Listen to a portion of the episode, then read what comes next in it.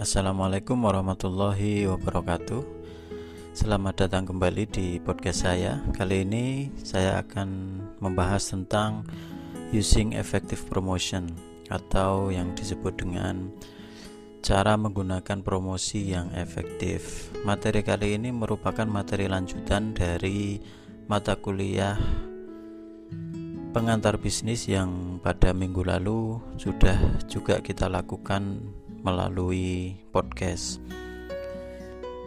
Apa yang akan kita bahas mengenai using effective promotion kali ini adalah tentang sebenarnya promosi itu apa. Kalau di kelas sudah saya sampaikan bahwa promosi itu merupakan salah satu dari 4P marketing. Kemarin masih ingat ya marketing itu terdiri dari 4P. Nah, apa saja 4P itu? 4P. P yang pertama adalah disebut dengan produk. Kemudian P yang kedua adalah place, sedangkan P yang ketiga adalah price dan P yang keempat adalah promotion.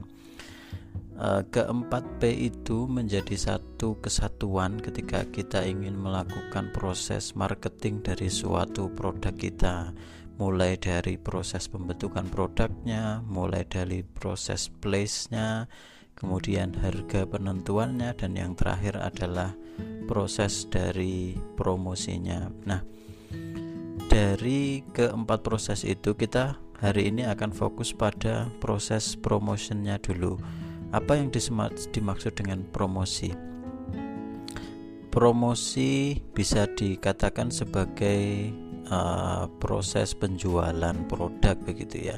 Ada dua model. Yang pertama adalah proses penjualan secara tradisional dan yang kedua bisa dilakukan dengan cara modern.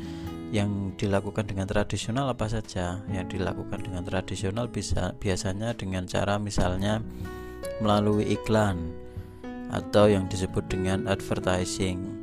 Iklan ini bisa dilakukan melalui misalnya media massa Selain itu juga bisa dilakukan melalui TV atau televisi dan juga bisa dilakukan melalui radio. Banyak kemudian channel-channel yang lain yang bisa dilakukan, tapi paling tidak ada tiga channel advertising yang bisa digunakan kalau kita ingin menggunakan channel dari tradisional atau juga bisa dilakukan dengan misalnya menjual secara pribadi atau sales promotion atau juga menggunakan misalnya program-program uh, penjualan yang dilakukan oleh perusahaan itu kalau kita lakukan melalui tradisional. Nah, yang kedua bisa juga dilakukan dengan cara modern. Modern tentu ini berkaitan dengan teknologi yang digunakan. Ada bermacam-macam, contohnya misalnya menggunakan email promotion atau menggunakan mobile promotion, smartphone internet data connection, kemudian bisa juga melalui social networking, bisa juga melalui blogging atau salah satu ini juga bisa kita sebut dengan podcasting misalnya. Nah, ketika perusahaan kemudian menggunakan seluruh channel yang dia punya, baik itu tradisional maupun modern, maka perusahaan itu sedang melakukan kombinasi dari promosi yang kemudian disebut sebagai promotion mix. Nah, sampai di sini uh, kita punya gambar atau ke benang merah begitu ya. Bahwa promosi itu merupakan salah satu bagian dari marketing. Nah, kemudian promosi bisa dilakukan menggunakan berbagai cara, baik dengan cara tradisional maupun dengan cara modern. Nah, ketika perusahaan sudah menggunakan dua channel itu bersama-sama, mengkombinasikan channel tradisional dengan modern, maka perusahaan itu sedang melakukan yang disebut dengan promotion mix.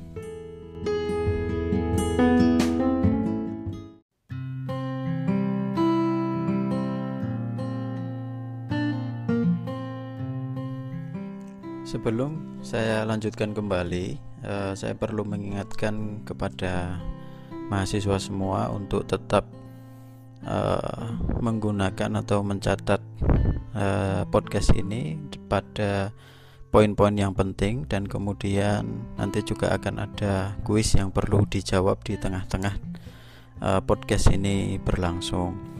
Kemudian uh, saya perlu mengingatkan kembali bahwa catatan-catatan penting yang pernah dicatat ketika podcast ini berlangsung nanti akan dikumpulkan uh, saat perkuliahan berakhir. Jadi mohon dipastikan untuk tetap mencatat dan juga menjawab kuis yang ada di tengah-tengah podcast ini. Oke, kita lanjutkan kembali. Nah, tadi sudah saya jelaskan bahwa ketika perusahaan menggunakan promotion mix baik secara tradisional maupun modern, maka perusahaan sudah menggunakan channel-channel yang uh, penting yang bisa digunakan dalam uh, memasarkan produk mereka. Nah, terkait dengan tradisional promotion mix atau uh, proses promosi yang tradisional, paling tidak ada empat ya Uh, kalau anda baca slide-nya, uh, kita sedang berbicara di slide keempat. Nah, di situ ada gambar. Uh, boleh mungkin sambil dibuka slide-nya.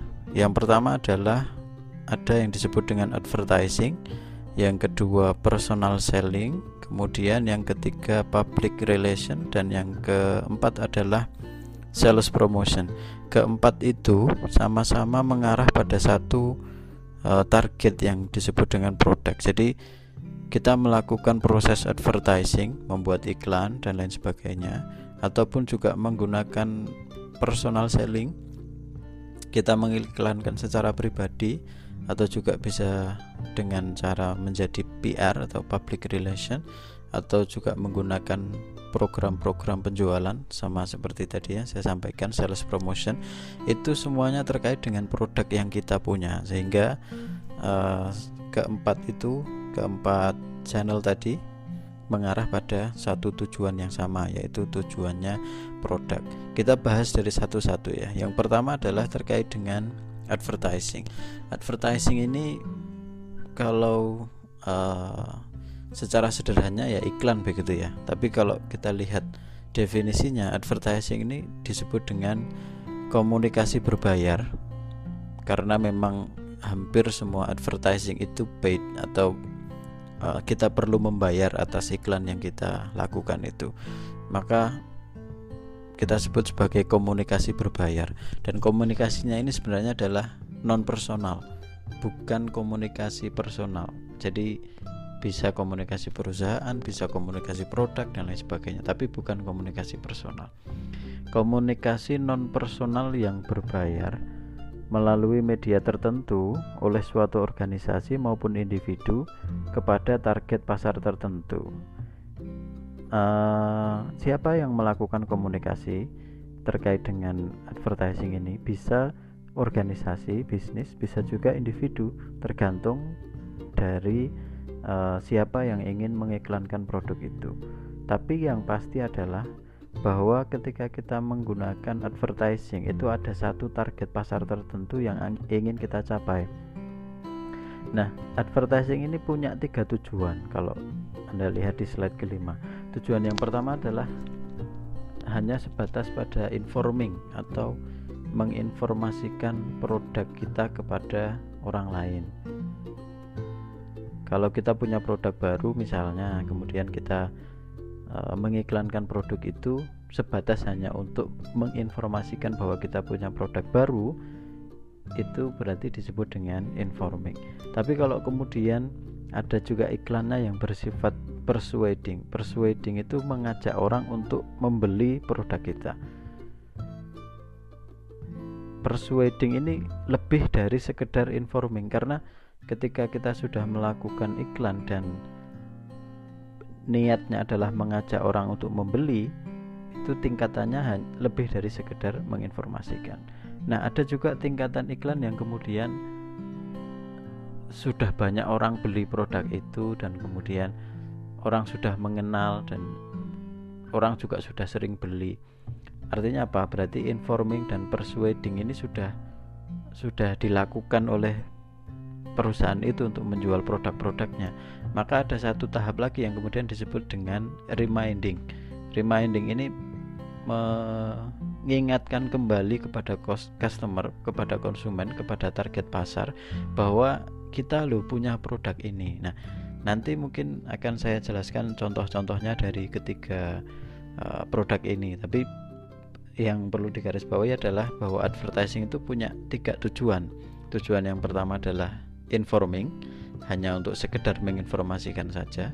Kemudian persuading, mengajak orang untuk membeli dari produk itu dan reminding ketika sudah diinformasikan sudah tahu dan orang sudah membeli diingatkan kembali bahwa kita punya produk ini. Contohnya apa?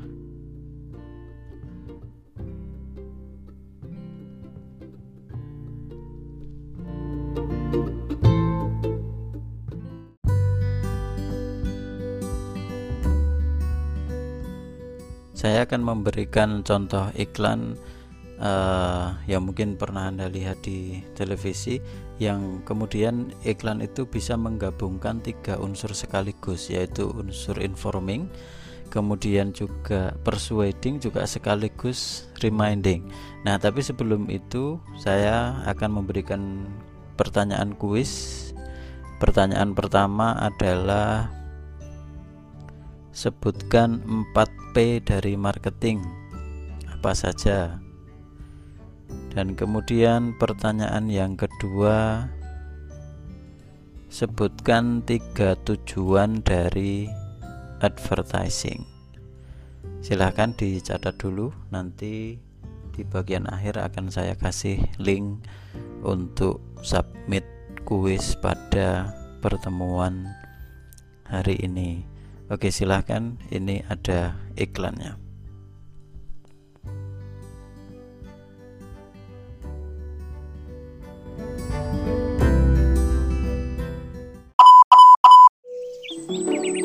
Setiap hari, kita pergi keluar bertemu orang menemukan hal baru. Lalu, apakah sekarang bisa kalau harus di rumah aja dulu? Tim Tokopedia bergotong royong memastikan setiap barang selalu ready Bekerja keras menjamin kebutuhan Anda tersedia dengan harga terjaga, memberi komitmen bebas ongkir ke seluruh Indonesia. Kita pasti bisa melalui ini semua. Bersama Tokopedia, jalankan terus harimu di rumah aja dulu. Yang, ayo yang. Jangan mau dibikin lombong. Pilih XL, Extra Unlimited Turbo, tanpa batas kuota dan kecepatan. Pak, pak, pak, pak. Telat nih, aduh. Ayo buruan, pak. Jangan mau dibikin lombong. Pilih XL, Extra Unlimited Turbo, tanpa batas kuota dan kecepatan.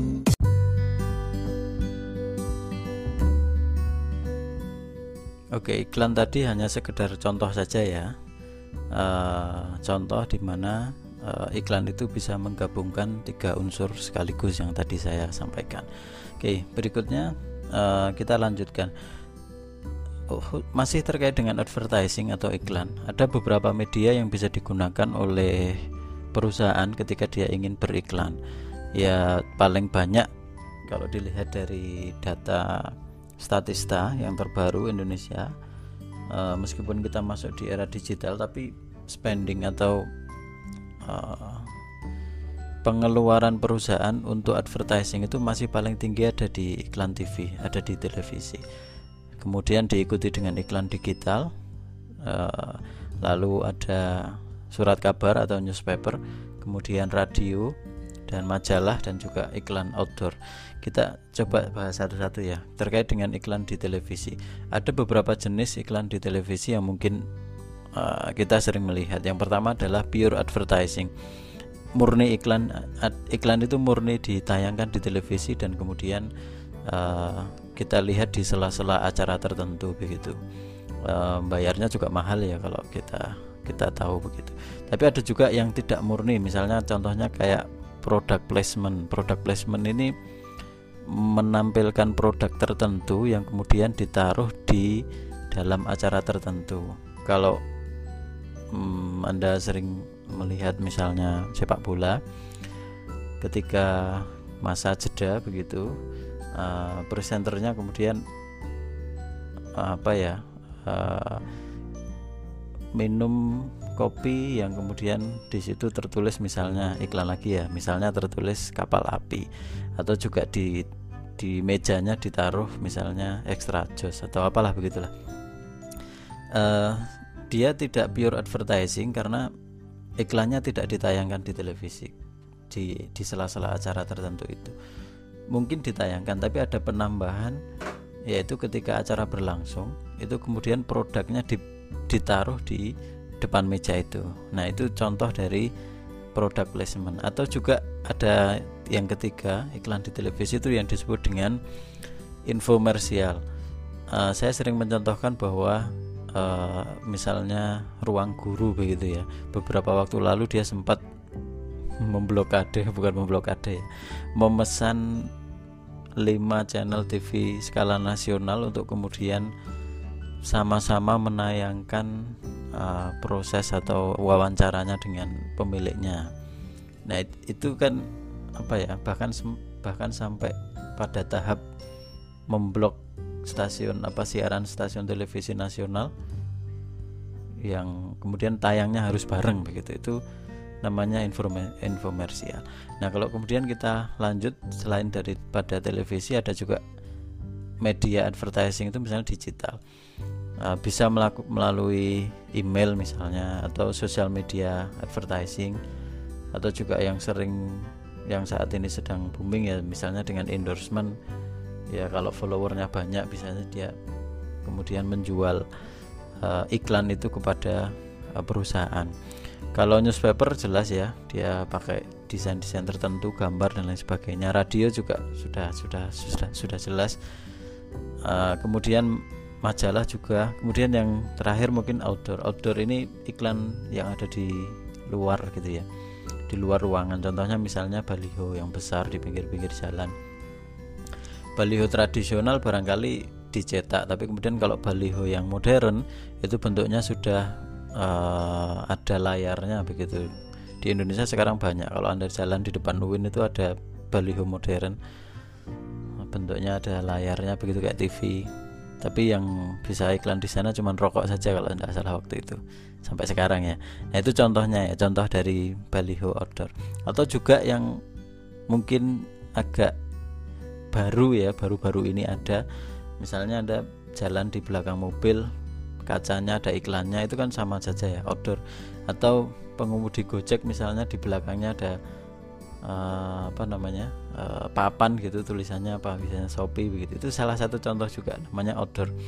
Dan kalau anda tahu dari iklan jenis yang terakhir tadi di belakang mobil dan juga di belakang motor ada iklannya itu dia dibayar yang naruh iklannya di mobil itu kemudian dibayar per kilometer berapa gitu. Saya saya saya tidak tahu tapi prosesnya begitu. Jadi anggapannya ketika dia jalan itu di belakangnya ada orang yang lihat. Nah setiap ada orang yang lihat itu kemudian dia dibayar atas uh, penerapan iklan yang ada di medianya sendiri baik itu motor ataupun mobilnya itu media-media advertising ya media-media iklan kemudian Tadi advertising sudah, kita masuk ke yang personal selling.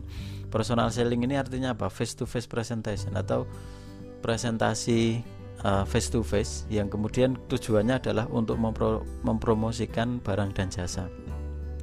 Menjual barang dan jasa. Nah, ada beberapa hal yang harus dilakukan sebelum melakukan personal selling. Personal selling itu kalau Anda menjadi sales misalnya di produk tertentu Anda diminta untuk presentasi ke mana, untuk memasarkan produk ke mana, maka harus di lihat dulu ada beberapa tahap yang pertama yang disebut dengan prospecting and qualifying prospek itu kita perlu melihat dulu customernya kita itu mana saja setelah dilihat bahwa ini ada potensial buyer atau ada kemungkinan pembeli yang mau beli produk kita maka kemudian kita seleksi mana yang mau kita hubungi mana yang mau kita datangi. Tidak semuanya kemudian kita datangi semua karena tidak semua juga itu menjadi potensial buyer. Ada juga yang yang bukan potensial buyer sehingga tidak perlulah kita lakukan prospek itu.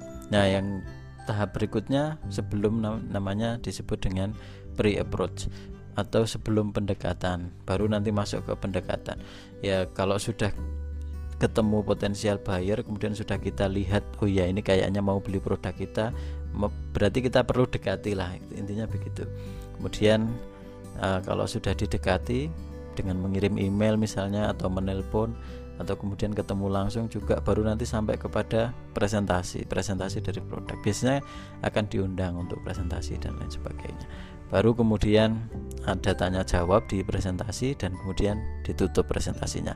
Nah, ada satu hal yang penting bahwa kalau kita melakukan personal selling setelah melalui berbagai macam tahap tadi sampai pada tahap presentasi dan kemudian selesai itu perlu kita lakukan yang disebut dengan follow up. Follow up itu apa? E, menanyakan kembali bagaimana kemarin presentasi kita menarik eh, maksudnya Anda tertarik dengan produk yang kita presentasikan atau tidak? Di follow up gitu ya? Di apa bahasa Indonesia nya ya? Ya di follow up lah gitu ya?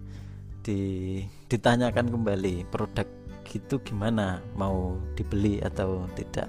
Karena kalau tidak di follow up biasanya lupa juga para calon customer itu kemudian lupa.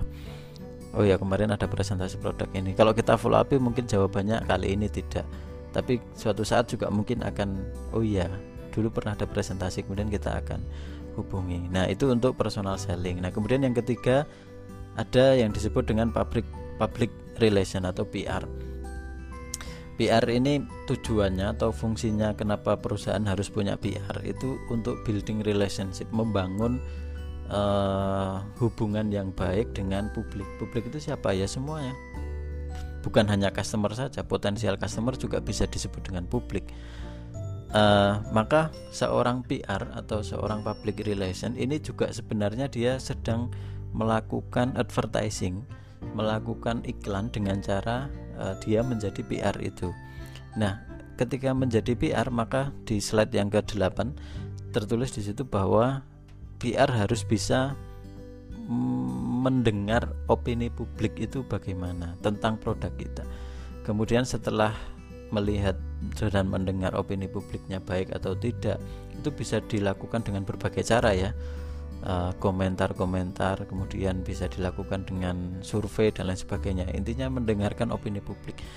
Dari opini itu kemudian kita olah menjadi uh, kebijakan dan juga prosedur yang baik kemudian ditingkatkan, yang tidak baik kemudian ditinggal atau diganti begitu dari berdasarkan pada opini publik yang ditampung oleh public relation itu atau yang disebut dengan PR ini.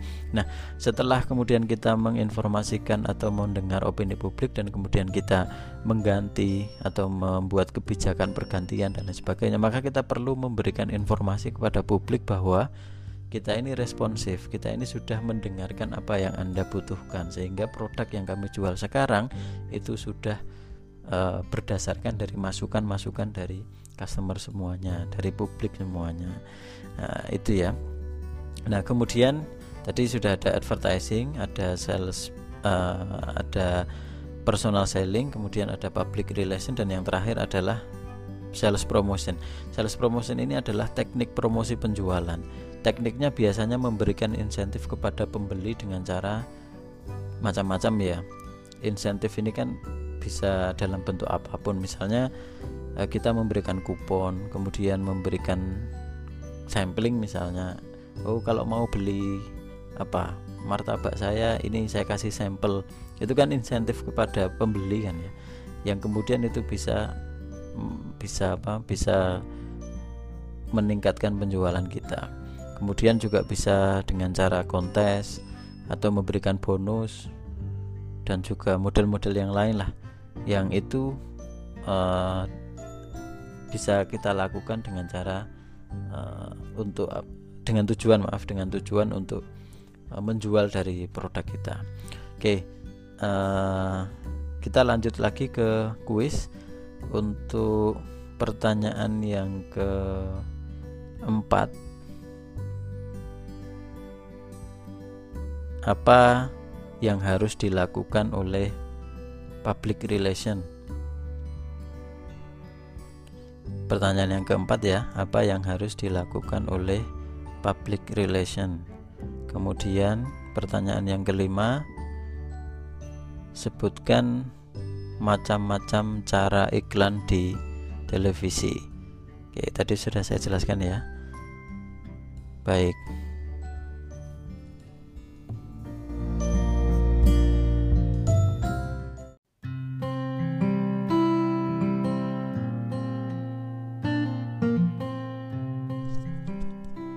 Terakhir terkait dengan uh, media lain yang bisa digunakan untuk promosi.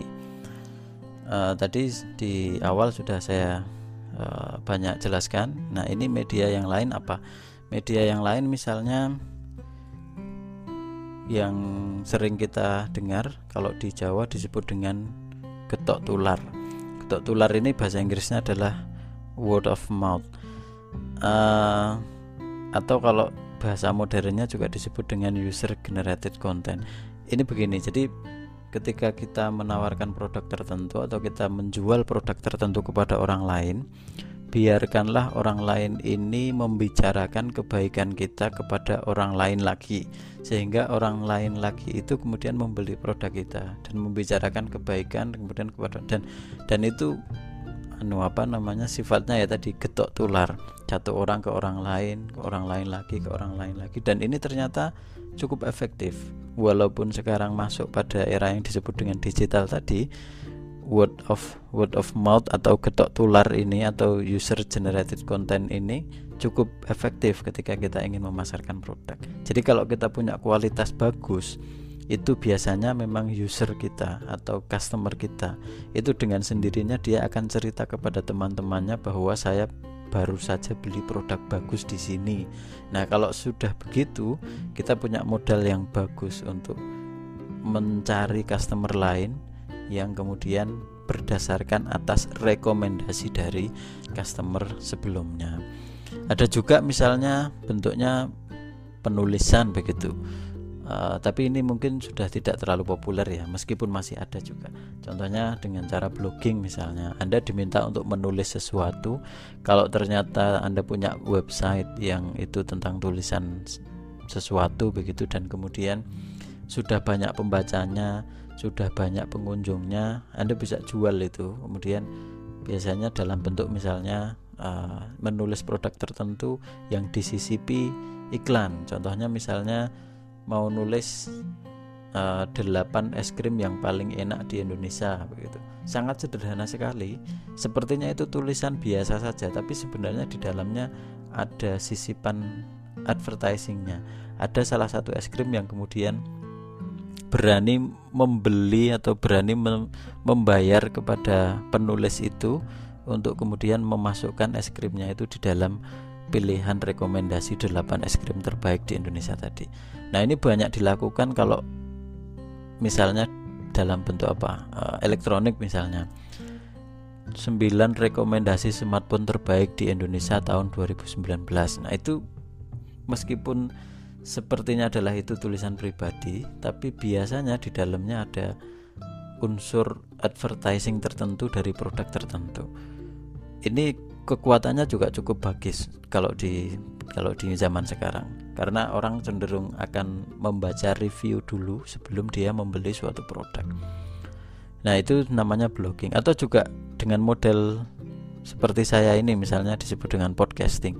Tapi kalau di Indonesia mungkin belum terlalu populer. Jadi memasukkan audio ke dalam uh, apa online tertentu sehingga nanti bisa di bisa didengarkan oleh orang lain yang nanti juga bisa dijadikan proses advertising. Atau juga yang terakhir misalnya modalnya yang penting viral begitu ya. Terus kemudian nanti setelah viral hilang begitu. Uh, contohnya apa ya? Beberapa waktu lalu mungkin ada pernah viral es kepal itu ya. Milo ya kan ada itu es kepal Milo. Tapi hanya beberapa bulan saja. Setelah viral viral kemudian itu dijual di mana-mana ada. Tapi sekarang kayaknya sudah tidak ada anunya tidak ada ininya sisanya begitu. Karena memang modelnya adalah dalam bentuk viral marketing. Yang penting viral dulu terus nanti tahu-tahu hilang itu banyak model-model begitu banyak. Nah itu ya beberapa contoh dari model promosi selain daripada promosi yang sudah saya sampaikan di atas. Oke, saya kira itu kuis terakhir untuk pertanyaan kelima. Sebutkan nama Anda. Dan pertanyaan terakhir, pertanyaan keenam adalah tuliskan name Anda. Dari enam pertanyaan kuis tadi, silahkan untuk diisikan di Google Form yang sudah saya buat dengan link silahkan dicatat. S.id garis miring bisnis 6 sama kayak kemarin ya. S.id garis miring bisnis 6 linknya sama tapi pertanyaannya beda. Nanti jadi mohon untuk diperhatikan Oke, sekali lagi saya ucapkan terima kasih. Uh, wabillahi taufik wal hidayah. Wassalamualaikum warahmatullahi wabarakatuh.